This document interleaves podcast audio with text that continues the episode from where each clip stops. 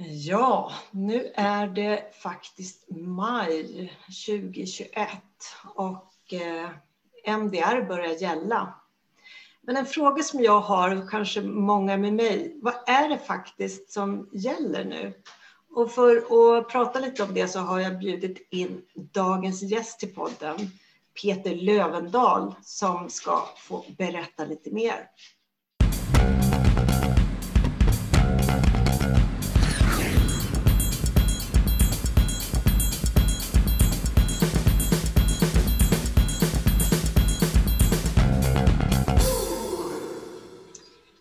Peter! Hej Anna! Vad roligt att ha dig här igen. Vi har ju pratat lite om MDR och, och regelverket, men eh, vi kanske kan bara kort börja låta dig presentera dig. Varför ska jag prata med dig om regelverket? Ja, det kan man ju undra. Eh, ja, först och främst så är jag naturligtvis väldigt insatt i medtech-frågorna eftersom jag sitter i styrelsen för Swedish Medtech. Eh, regulatoriskt så leder jag då regulatoriska eh, affärsgruppen helt enkelt på Swedish Medtech där vi har en fokusgrupp som just tittar på de här frågorna för att se hur vi hanterar dem. Eh, och i övrigt så jobbar jag som konsult, eh, har många kunder som jobbar, sitter med MDR-frågan just nu och även IVDR-frågor. Eh, och hur, hur hanterar man de här frågorna helt enkelt och vad är status? Och det gör ju också att jag har ju örat mot rälsen så att säga. Jag vet vad företag har för problem just nu. Ja, det där låter intressant. För att jag tror att många av våra lyssnare funderar nog över det här just nu. Eh, vad är det faktiskt som händer nu? Ja, tittar man på i, idag då som är sista dagen eller första dagen kan man säga som MDR träder i kraft och det innebär att det är rätt stora förändringar för många produkttyper. Den största förändringen är för klass 1 produkter som var klass 1 under MDR och som är klass 1 under eh, eh tidigare regelverk MDD också. Och det gör att de här produkterna som inte har ett anmält organ eller som inte påverkas av den här omklassificeringsparagrafen i, i amendment 2 till eh, MDR. De måste ju från och med nu uppfylla MDR-kraven fullt ut. Och det här är ju de stora massan av produkter kan man säga ute på marknaden som måste ha eh, full compliance med MDR helt enkelt. Det här innebär allt ifrån att man måste registrera om produkten hos Läkemedelsverket så att den uppfyller MDR om man inte gjort det redan. Eh, det har man redan kunnat gjort sedan tidigare. Eh, men om man inte gjort det så är det dags att göra det. Eh, och det här gör också den stora skillnaden för många klass 1-företag är att nu måste man ju då ha ett kvalitetssystem på plats där man täcker upp alla delar av en produkts livscykel helt enkelt. Allt ifrån initiering, Eh, av produkten, utveckling av produkten, tillverkning och eh, uppföljning på marknaden helt enkelt. Ja, det låter ju som att det är en hel del som ska vara på plats. Men vad innebär det här om man tittar nu då? Du säger att många produkter ligger i klass 1 och ska faktiskt nu möta de här nya kraven. Tror vi att det här kommer att påverka vårdens möjlighet att köpa de produkter de är vana vid? Eller? Generellt kan man säga att de flesta klass 1-produkter kanske inte påverkas lika mycket som de högre klasserna. För det, där kan man säga att klass 1-produkten har idag, de har haft lite längre tid på sig och där tror jag också att man märker inte på samma sätt om man faktiskt inte uppfyller kraven fullt ut. Eh, gamla kraven var ju tillräckliga för den här produktsäkerheten ska jag säga och kvalitetssystemet är den stora skillnaden. Eh, så det kanske inte kommer märkas direkt. Där den stora förändringen är, är just eh, de högre klasserna där man har ett använt organ involverat. Och här tittar man på hur det ser ut idag så har de flesta av de här produkterna som, som har ett använt organ som är de kritiska produkterna, kan man säga, det som oftast sjukhusen använder i sin vård. Eh, så har de flesta använt den här möjligheten att skjuta upp helt enkelt att man implementerar hem det här fullt ut och behålla sitt gamla MDD-certifikat. Och status idag är att eh, enligt senaste rapporten från Notify Body Group som, som är den organisationen som hanterar alla Notify Bodies, eller de största Notify Bodies rätt sagt, eh, så säger man att ungefär 1 procent utav deras kunder har konverterat till MDR, alltså att de har ett MDR-certifikat. 10 eh, procent har sökt för att konvertera till MDR-certifikat, vilket innebär att 89 procent av alla de här företagen som som har ett eh, MDD-certifikat från ett annat organ har alltså inte ens ansökt för det nya regelverket. Och det är för att de har övergångsperioder på sitt gamla certifikat fram till 2024 troligtvis. Men det här kommer naturligtvis göra att imorgon kommer vi inte märka någon skillnad på produkt, de här typerna av produkterna för att eh, de har ju sina certifikat ganska lång tid. Men successivt när de här företagen börjar titta på de nya dokumentationskraven och göra saker så kommer vissa av de här produkterna droppa av för att man kommer tycka att det är för dyrt helt enkelt att uh, uppgradera dem. Så att uh, det kommer ju vara en successiv förändring av marknaden här. Det kommer inte ske imorgon att det inte finns produkter. Eh, och det är flera skäl. Det är inte bara att Notify Bodies inte finns och så vidare, utan det är också så att det finns lager upplagda naturligtvis hos distributörer och liknande som man kan sälja ut innan. Men just det här att vissa typer av produkter kommer försvinna. Det, det är väldigt tydligt, men när de försvinner är det ingen som vet riktigt. Det är varje företag som, som egentligen bestämmer det här när de anser att de inte kan sälja en produkt längre.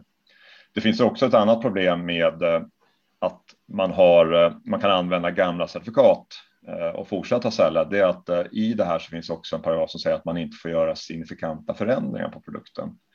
Och det här innebär egentligen att eh, man får ju inte egentligen göra större uppdateringar. Man får fixa till produkten om den har en säkerhetsproblem, men man får inte lägga till nya features till exempel, som om, om det anses vara signifikant förändra produkten. Så det gör att eh, många företag kanske inte har insett än att de inte kan göra de här förändringarna. Den här nya stora releasen som kommer nästa år kanske man inte kan göra. Eh, och det, det är naturligtvis är ju ett problem för många företag som kanske lever på att sälja nya features och kanske att det nya features som behövs komma ut eh, för att förbättra vården kan dröja. Men det betyder att även om det inte är en revolution som vi ser nu då, eh, idag och imorgon så kan vi ganska, eller förutse att det kommer att bli ganska stora effekter framåt vad gäller tillgänglighet till en hel del produkter. Precis, man kan ju nästan likna det med grodan som kokas i vatten, att den inte känner av det, utan plötsligt så kan det försvinna massa produkter som man inte har tänkt det är nästan enklare om imorgon försvann alla produkter. Då har man någon krisåtgärd som gör att man faktiskt kan hantera det på ett annat sätt. Men alltså som successivt försvinner produkter i sortimentet kanske kan ju ibland vara svårare att hantera om man inte är medveten om att de här produkterna försvinner. Och det här är också att det är inte så att det är förutsägbart heller från företagsperspektiv, utan när man tittar på var man ligger en, en livscykel på en produkt så finns det alltid stor risk att man ganska sent i processen kommer fram till att ja, försäljningen av den här produkten, kanske just i Sverige, lägre så därför tar vi bort den mm. och ersätter med en nyare produkt som kanske inte kommit in på marknaden på samma sätt. För det, det är ändå uppdatera all dokumentation på en gammal produkt kostar väldigt mycket pengar och då måste man ju ha en, en payback beräkning och se kommer vi få tillbaka pengarna för den här produkten som ändå är på slutet av sin, sin livscykel till exempel. Ja, jag har massor av frågor Peter. Dels, det som du nämnde nu tycker jag är väldigt intressant för att de produkter som finns på marknaden och har funnits på marknaden, ryktet säger ju att eh, en del av dem kommer kanske att försvinna för att de tvingas att göra kliniska studier eh, för att så att säga kunna ha, marknad, eller ha produkten på marknaden även under MDR. Stämmer det? I vissa fall stämmer ja. Eh, det handlar om vilka typer av produkter man har och vad har, man samlat på sig för klinisk data, eh, egentligen postmarket eh, data sedan tidigare. Så säga då. Har man tillräckligt bra data så kan, behöver man inte naturligtvis göra en klinisk prövning. Och anledningen varför man inte kan göra en klinisk prövning på, på redan etablerade produkter är att det bryter då mot Helsingforsdeklarationen, att man får inte göra kliniska prövningar på produkter om man redan har tillräckligt mycket data som säger att den är säker. För det skulle inte vara, det skulle vara oetiskt mot de som inte får tillgång till den produkten. Så, så att eh, det är en balansgång mellan vad man får göra för, för att vara etiskt korrekt kontra vilken data man har. Problemet för en del produktgrupper är att man har inte så mycket data. Alltså det finns inte tillräckligt mycket data. Man har använt den så många år så ingen skulle komma på tanken att samla in data ens. Eh, och det är de produkterna som faktiskt kan skapa ett problem. Och för de tillverkarna så kan man ju, sitter man i en liten rävsax. Man kan inte göra kliniska prövningar för att det är oetiskt. Man har inte tillräckligt mycket data kanske för att eh, kunna säga att produkten är säker från ett kliniskt perspektiv, även om den funnits i 40-50 år. Det gör ju också att om man, eh, om man har tänkt på det här i förväg har man ju haft några år på sig att samla in den här datan. Eh, man kan ju faktiskt göra postmarket eh, uppdateringar, man kan titta på marknaden och se hur den används och få in data till för att kunna visa att den är säker. Men om man inte gjort det innan så eh, är det en klass 1-produkt så är det för sent eh, kan man säga. Då får man ju ta bort den från marknaden och återkomma med den. Är det klass, eh, högre klasser så kan man ju då naturligtvis påbörja insamling om man inte gjort det. Ja, för det där är ju en fråga som eh, som det har surrats en hel del om eh, vad, det, vad det kommer att innebära också. Finns det kapacitet i vården att genomföra kliniska studier på ett antal produkter som man kanske redan har använt ganska länge och inte ser självklart ett behov av att göra en studie kring.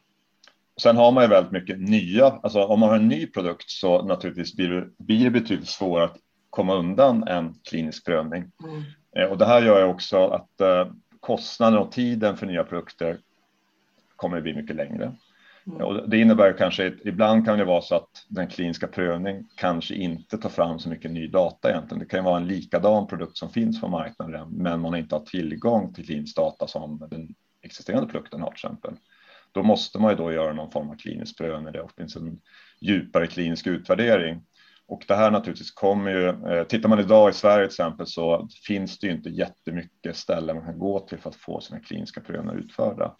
Eh, och idag tror jag som ett problem för svensk industri att många går ju idag redan till Holland till exempel för att det är så mycket enklare och går så mycket fortare att få en klinisk prövning till stånd. Det finns mer patienter, närmare avstånd mellan sjukhus och liknande, så det finns ju eh, en del problematik där också. Hur får man tillgång till sjukvården att göra kliniska studier?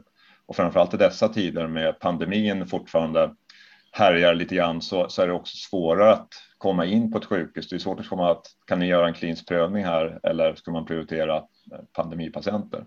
Och, och det här är ännu svårare just nu. Ja, men absolut. Nej, det är en utmaning. Jag funderar på en annan sak som du nämnde här i början. Du sa notified bodies, anmälda organ. För det är ju någonting som vi pratade om att, att det var ett eh, en getingmidja. Hur ser det ut där? Just idag så finns det faktiskt en del Notify Bodies eh, användarorgan, anmälda organ som har öppningar att ta emot kunder. Eh, och det, delvis är det för att, som jag sa innan att många företag har inte ansökt om MDR än. Eh, större delen av de som har ett anmält organ idag, alltså 89 procent, har ju inte sökt för MDR. Och det innebär att det handlar bara om dagar innan de blir totalt fullbokade för många år framöver. Och tittar man då på certifikaten som går ut, de flesta går ut 2023, 2024, innebär att eh, det är ett litet fönster just nu där det finns viss kapacitet kvar. Men den här kapacitetsbristen kommer öka drastiskt framöver, så det kommer bli värre och värre framöver. Det är redan svårt nu och det kommer bli ännu svårare framöver. Förhoppningsvis kommer, tillkommer en del Notify Bodies, men tittar man på de som är godkända idag för MDR så är det de stora Notify Bodies. De står ungefär idag för 85 procent av marknaden. Så de som är kvar blir mer de här nischspelarna, lite mindre Notify Bodies som i och för sig kan växa då, men alla sitter med samma problem som företagen sitter med. Kompetensen. Hur får man ta i kompetensen att göra det här? Eh, det är inte så att, eh, att det är lätt att få tag i regulatoriska affärsfolk just nu. Det är svårt.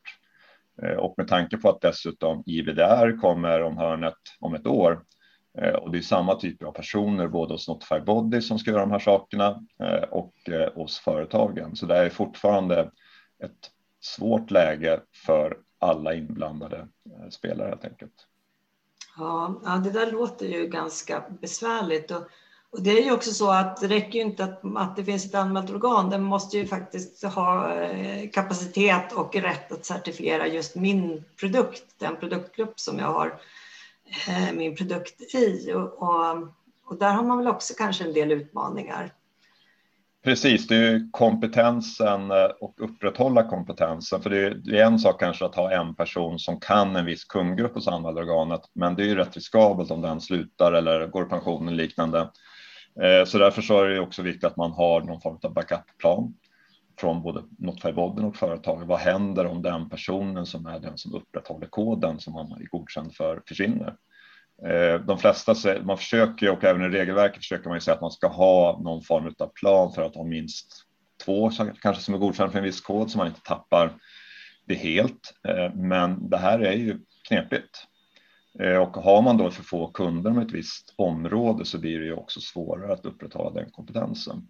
Vilket gör att de här lite mer huvud eller mainstream-produkter, EKG, röntgen och sånt där, där finns det ju naturligtvis mycket företag och därför finns det också stort underlag och man har större chans att få in många reviewers. Det, det är en större kundgrupp för Notify helt enkelt, för de ska ju ändå överleva, tjäna pengar på det här för att kunna överleva.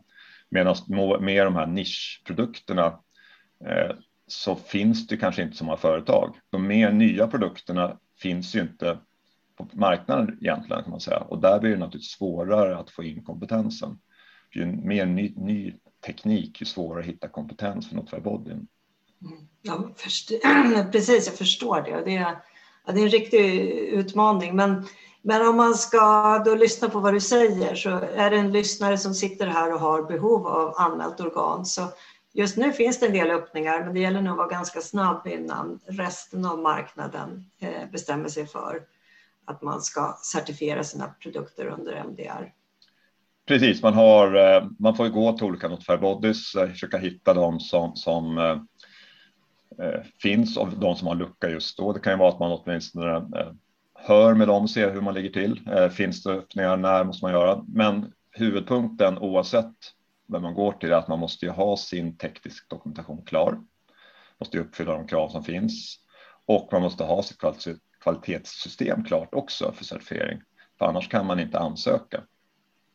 Nej. I de flesta fall. Man kan liksom inte lämna in en ansökan och inte ha gjort någonting för vad händer då om de säger att vi kommer nästa vecka? Eh, då blir man ju liksom, eh, då kommer de med skicka ett nekande brev och det brevet måste man då visa upp nästa gång man ansöker.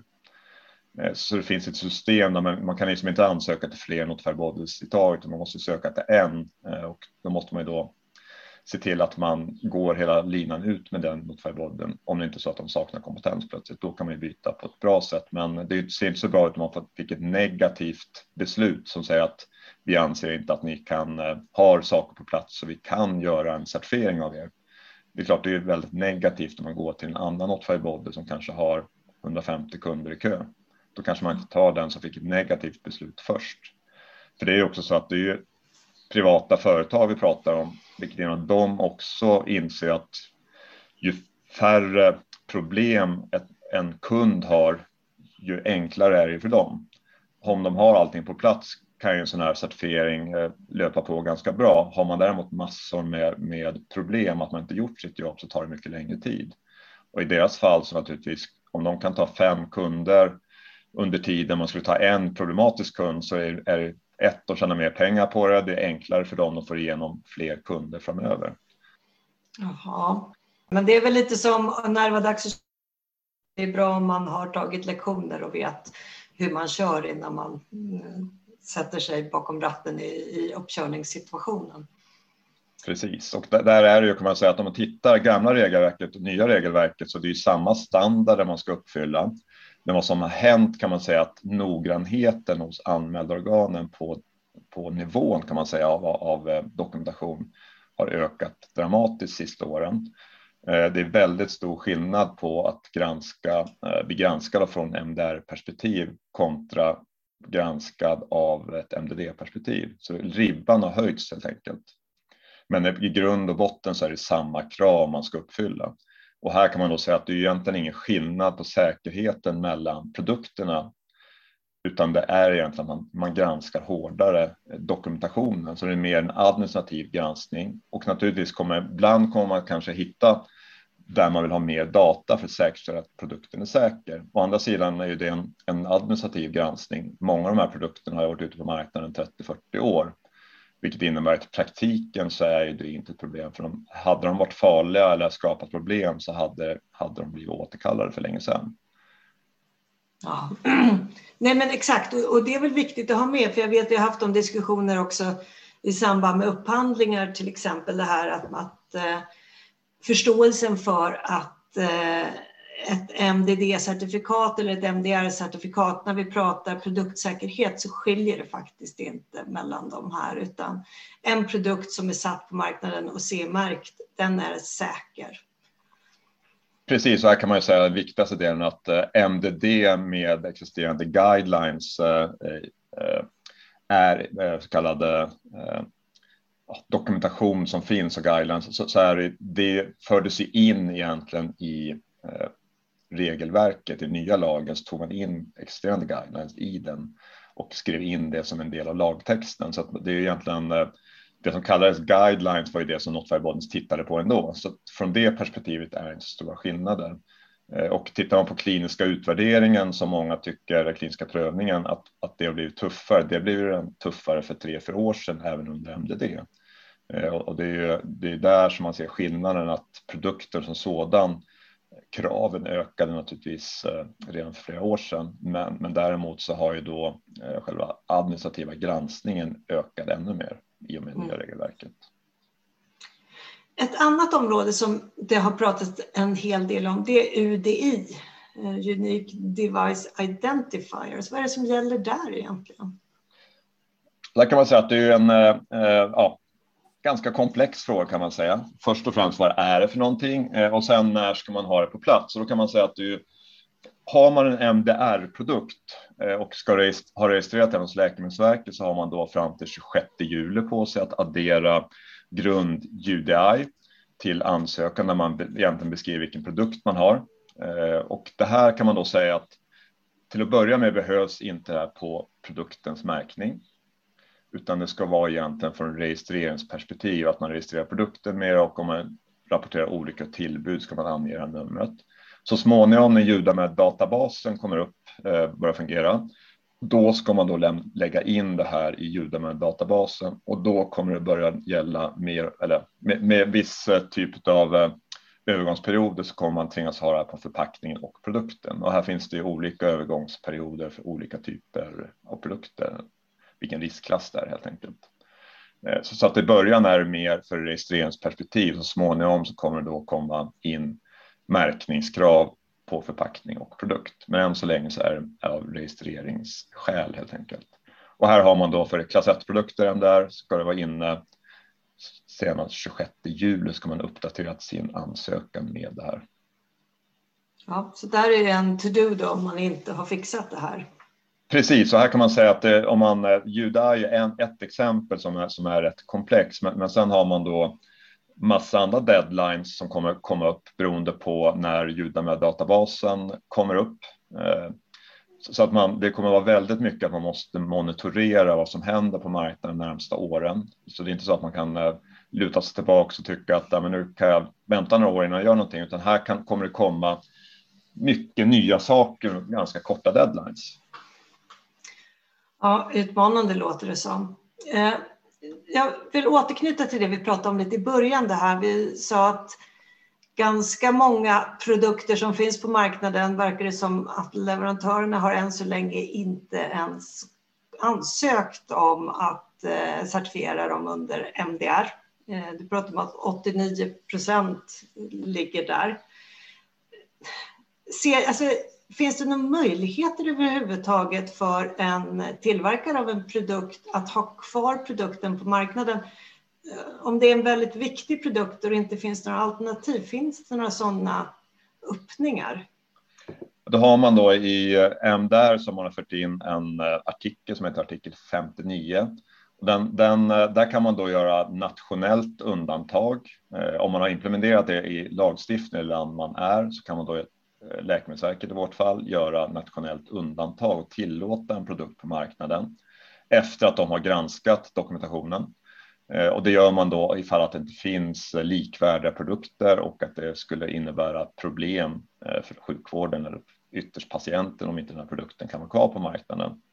Man har även möjlighet att göra det här över hela EU-delen, vilket innebär att då koordinerar ju Läkemedelsverket en form av ja, kombinerad review över flera länder. Mm.